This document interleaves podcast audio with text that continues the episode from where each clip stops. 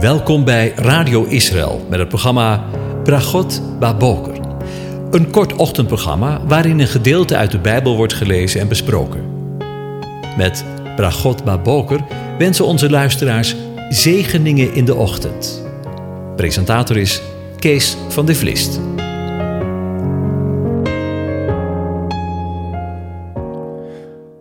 Goedemorgen, Bokatov, beste luisteraars. Vanmorgen denken we weer verder na over Psalm 96. En ik lees de eerste 13 versen aan je voor. Zing voor de Heere, een nieuw lied. Zing voor de Heere, heel de aarde. Zing voor de Heere, loof zijn naam. Breng de boodschap van zijn heil van dag tot dag. Vertel onder de heidevolken van zijn eer, onder alle volken van zijn wonderen. Want de Heere is groot en zeer te prijzen. Hij is ontzagwekkend boven alle goden. Want al de goden van de volken, dat zijn afgoden. Maar de Heere heeft de hemel gemaakt. Majesteit en glorie zijn voor zijn aangezicht, macht en luister, in zijn heiligdom. Geef de Heere de eer, geslachten van de volken, geef de Heere eer en macht. Geef de Heere de eer van zijn naam. Breng zijn offers en kom in zijn voorhoven. Buig je neer voor de Heere in zijn heerlijke heiligdom. Beef voor zijn aangezicht heel de aarde. Zeg onder de heidevolken. De Heere regeert. Ja, vast staat de wereld. Ze zal niet wankelen. Hij zal over de volken op billijke wijze recht spreken. Laat de hemel zich verblijden en de aarde zich verheugen. Laat de vol de zee bulderen met al wat ze bevat. Laat het veld van vreugde opspringen met al wat erin is. Dan zullen de bomen van het woud vrolijk zingen voor het aangezicht van de Heer. Want hij komt, want hij komt om de aarde te oordelen. Hij zal de wereld oordelen in gerechtigheid en de volken met zijn waarheid. Tot zover.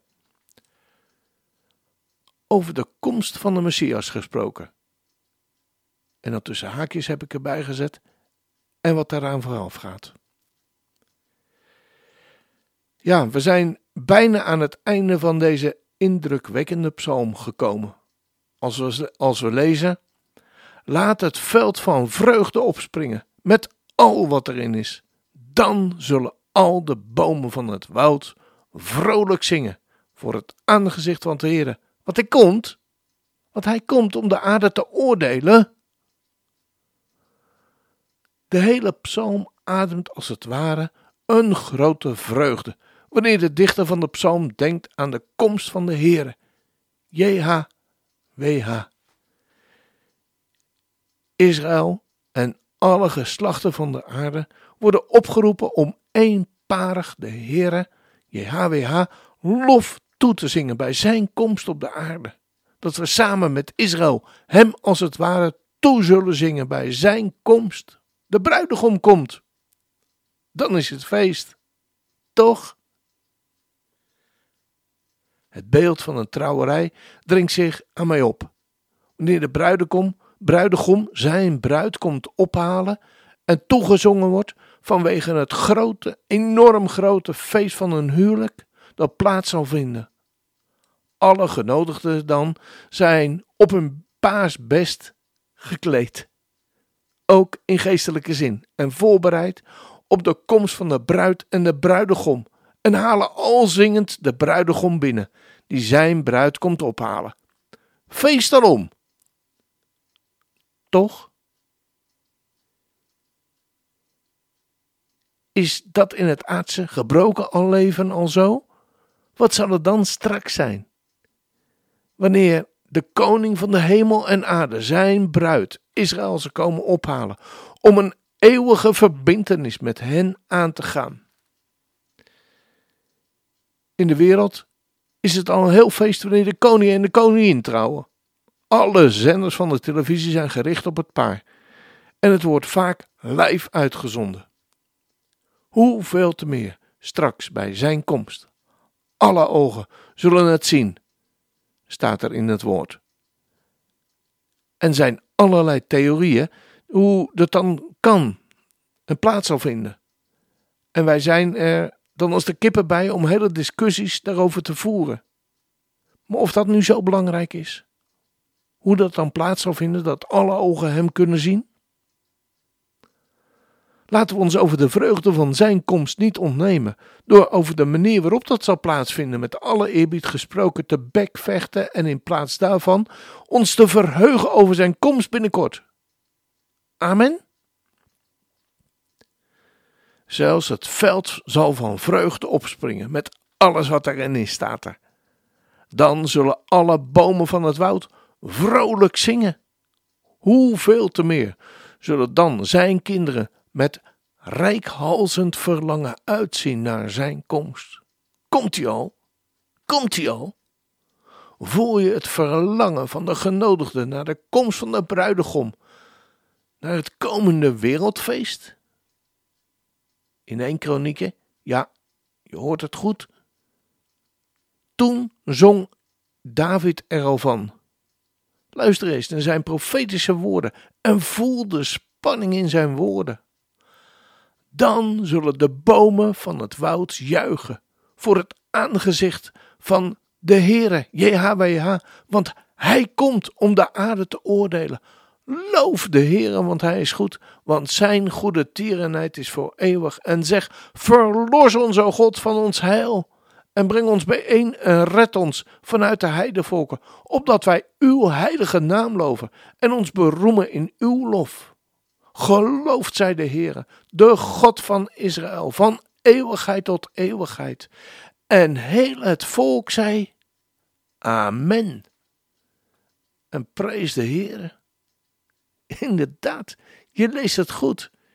In nota bene één kronieken. Wordt daar al over gesproken. Merk je het op dat het bijeenbrengen van Israël uit de volken in deze teksten bijna gelijk valt met het aanbreken van het feest. En hoeveel mensen maken geen alia in de dagen die wij beleven? Dan kan het menselijke wijs gesproken, naar zijn komst toch niet meer lang op zich laten wachten. Want na de woorden die we juist gelezen hebben in, uit 1 Kronieken 16, is het toch niet toevallig dat de eredienst wordt geregeld? Lees 1 Kronieken 16 maar eens na. Voluit profetie. Psalm 65 spreekt vergelijkbare woorden wanneer we daar lezen. U kroont het jaar van uw goedheid. Uw voetstappen druipen van overvloed. Zij bedruipen de weiden van de woestijn. De heuvels omgorden zich met vreugde. De velden zijn bekleed met kudden. De dalen zijn bedekt met koren. Ze juichen. Ook zingen zij. Een en al vreugde toch? Waarom wordt er in de kerken maar zo weinig gesproken over de wederkomst van de Messias? Zelfs het stellen van die vraag wordt vaak vermeden. Ja, we geloven wel dat Jezus Christus, de Messias, ooit zal terugkomen. Maar voor veel gelovigen is dat een abstract geloof geworden waarover ook predikanten maar liever niet te concreet willen zijn. Een dominee zei eens: De kerk wacht al zoveel eeuwen op de terugkomst van Jezus Christus, dat het nog wel een tijd zal duren. Maar dat is toch eigenaardig? Want het zou toch moeten betekenen dat onze verwachting juist groter moet zijn. En er zijn ook veel aanwijzingen voor een van de belangrijkste redenen waarom de verwachting van de gelovigen zo vervaagd is geraakt, ligt in de kerkgeschiedenis zelf. Al in de vroege eeuwen van de kerk ontstond de gedachte dat veel profetie niet letterlijk, maar echt wel geestelijk moest worden uitgelegd. De kerk had de positie van Israël overgenomen en was een soort geestelijke plaatsvervanger geworden.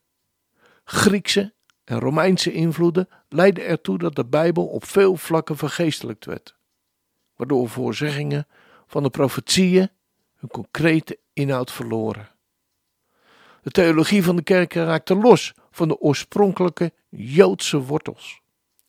De kerk verzette zich tegen alles wat in hun ogen Joods leek. Maar vergat dat veel waarheid niet zozeer Joods is, maar vooral Bijbels is. Tegelijkertijd stond de deur wel open voor veel heidense invloeden die vanuit het Romeinse Rijk de staatskerk binnenkwamen, om er ook te blijven. De geschiedenis leert ons dat keizer Constantijn weliswaar de kerk van het christendom haar macht gaf, maar dat de gemeente van de Joodse Jezus van belangrijke fundamenten werd ontdaan. De kerk van vandaag heeft nauwelijks aandacht voor de Bijbelse feesten die God in het Eerste Testament opdroeg te vieren. En dat is de reden waarom bijna niemand ermee is opgegroeid. De feesten leken en lijken ook anno vandaag voor christenen niet meer relevant, omdat het door de komst van Jezus, Yeshua, een nieuwe tijd zou zijn aangebroken waarin deze feesten achterhaald waren. Maar het zijn niet de Joodse feesten, het zijn de Bijbelse feesten, het zijn Gods feesten. Letterlijk staat dat. Maar deze Bijbelse feesten zijn door God in Deuteronomium en Leviticus zelf ingesteld met een doel. Ze blijken namelijk de repetities of schaduwen te zijn van de toekomstige gebeurtenissen, waarin de Messias toen al centraal stond. Hij staat, stond centraal in, in, in die feesten. En wij hebben ze aan de kant geschoven. Elk van deze feesten laten een belangrijk heilsfeit zien, die de Messias later als de Zoon van God zou vervullen. God instrueerde het volk om de Shabbat en de zeven feesten te vieren.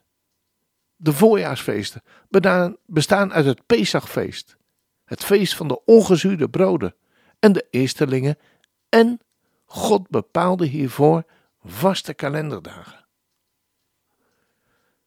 Wat lang ongemerkt bleef, was dat Jezus, Yeshua, tijdens zijn bediening de diepe betekenis van elk van de feesten letterlijk je hoort het goed, letterlijk vervulde op de kalenderdag van elk van deze feesten en heeft zelfs op de daarvoor bestemde uren de rituelen vervuld die de priester en de priesters al eeuwenlang als schaduwen uitvoerden. Zo is het opmerkelijk dat hij zijn leven vrijwillig aflegde, precies op het dag en, de, en het uur dat de hoge priester in de tempel het Pesach, lam voor het volk slachten. Maar het goddelijke patroon stopt daar niet. Want het Eerstelingenfeest dat jaarlijks werd gevierd, was ook precies de kalenderdag waarop Jezus, Yeshua, in de vroege morgen als eersteling opstond uit de dood. En ook de kalenderdag waarop het volk eeuwen eerder opstond uit de Schelfzee en daardoor hun vrijheid kreeg. Toevallig? Kan toch niet? Kom nou.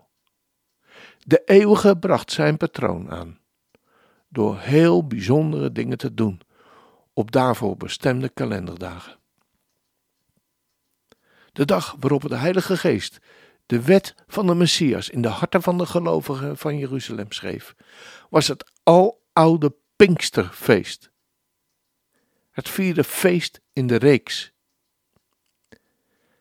Dit feest, het vierde feest, werd al eeuwenlang gevierd. En een van de thema's van dit feest was volgens de Joodse overlevering dat op die dag de wet aan het volk gegeven bij de Sinaï en het verbond met hen gesloten had.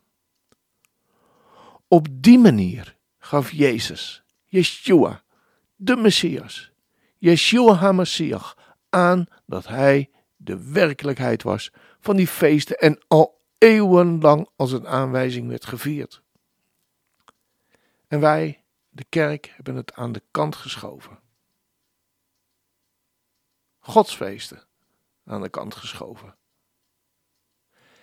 En nu deze vuljaarsfeesten precies op de bestemde dagen zijn vervuld, komt de vraag naar voren, en die moeten we ons eerlijk stellen: hoe de nog niet vervulde najaarsfeesten dan vervuld zullen worden. Deze feesten zijn nog niet vervuld, Maar als de eeuwige Heer zijn patroon volgt, zullen deze feesten in de nabije toekomst vervuld worden op de hun bestemde kalenderdagen. De najaarsfeesten bestaan aan het Bezuinenfeest, de Grote Verzoendag en het Loofhuttenfeest. Ook deze feesten worden door de kerken ten onrechte niet meer gevierd. En daardoor missen christenen veel concrete aanwijzingen over de wederkomst van de Messias. Het bezuinenfeest is de schaduw van het toekomstige moment dat vervuld zal worden, zoals we dat lezen in 1 Korinthe 15, vers 52. En ik lees het aan je voor. Maar dit zeg ik, broeders, dat vlees en bloed het koninkrijk van God niet kunnen beërven. En de vergankelijkheid beërft de onvergankelijkheid niet. Zie, ik vertel je een geheimenis. Wij zullen niet alle ontslapen, maar wij zullen alle veranderd worden. In een ondeelbaar ogenblik, in een oogwenk, bij de laatste bazuin. Immers, de bazuin, hoe heet het bazuinenfeest, zou klinken en de doden zullen als onvergankelijke mensen opgewekt worden. En ook wij, ook wij zullen veranderd worden. Er zijn talloze theorieën hoe dat zal plaatsvinden. Maar ik ga eraan voorbij. En neem genoegen en ik zie je naar uit om dat geheimenis waarover Paulus spreekt ontrold zal worden. Zie, ik vertel u een geheimenis. Wij zullen niet alle ontslapen, maar wij zullen alle veranderd worden in een ondeelbaar ogenblik, in een oogwenk, bij de laatste bazuin. Immers, de bazuin zal klinken en de doden zullen als onvergankelijke mensen opgewekt worden. En wij zullen veranderd worden. Als dat geen feest is. En na het bezuinenfeest volgt de grote verzoendag. Deze dag is voor de Joden nog steeds, ook vandaag de dag, ook anno 2021, de meest heilige dag in het jaar de grote verzoendag. Gods grote verzoendag. In de tijd van de tempel mocht de hoge priester op deze dag het heilige der heiligen binnengaan, om verzoening tussen God en het volk tot stand te brengen. En na dit reinigingsritueel kwam de hoge priester naar buiten. En het was het voor het volk het teken dat notabene de verzoening tot stand gebracht was. Is dit ook een schaduwritueel? Ja, natuurlijk. Want ook in de toekomst zal de hoge priester van de gelovigen uit het hemelse heiligdom naar buiten komen en terugkeren naar de aarde. Dat is de dag van de wederkomst van de Messias. De dag waarop elk oog hem zal zien. Als dat geen feest is. En het laatste feest is het Loofhuttenfeest. De verdieping van dat feest leert dat het de schaduw is van de start van het toekomstig vrederijk. Het zal de periode zijn dat de koning de koningen op aarde zal regeren en woning onder de mensen zal maken. Veel van deze feesten gaan verloren als we de Bijbelse feesten alleen maar geestelijk of historisch willen zien. Maar als we zien op de werkelijke betekenis en voorafschaduwing van de komende feesten gaat er echt een nieuwe Bijbel voor je open. De volgorde van de Bijbelse feesten laat ons dus veel zien, ook over de toekomst, de nabije toekomst. Als dat geen zegen is, dan nog even dit. Misschien vraag je je af of de wederkomst van Christus echt zo concreet is. In het boek Wake Up worden zeven tijdslijnen beschreven, die verwijzen naar de komst van de Messias. Het is een boek wat hoogst actueel blijkt te zijn. En ik wil u het echt eens aanraden om te lezen. Inderdaad, Gods heerlijkheid verschijnt.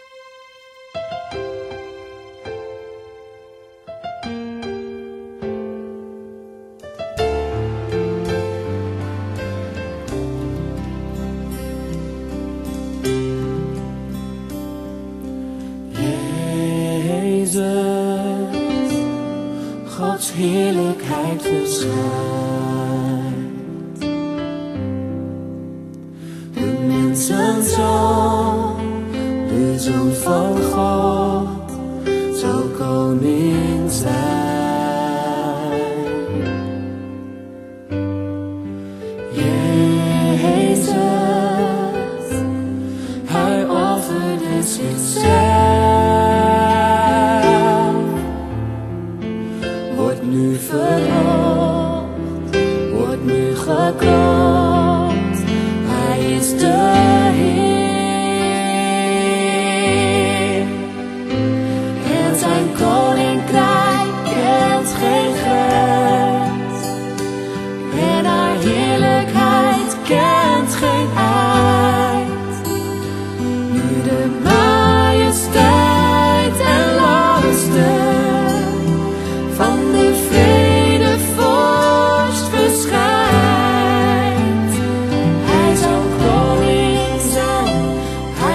Jesus. I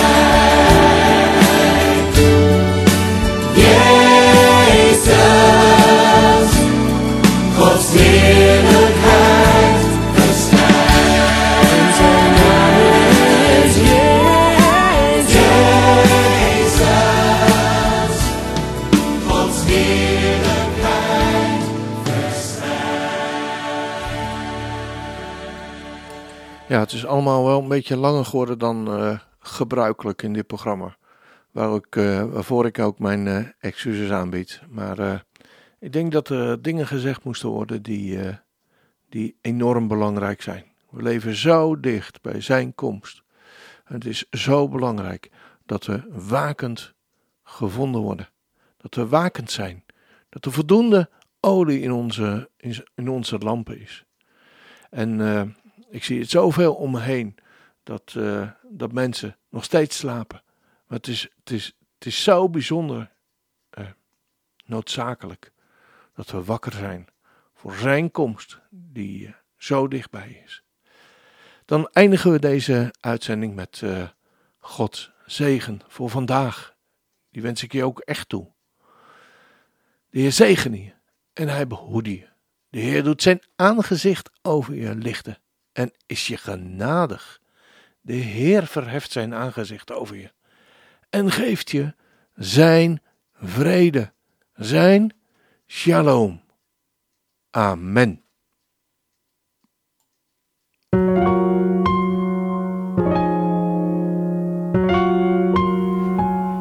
U hebt geluisterd naar het programma Bragot Baboker.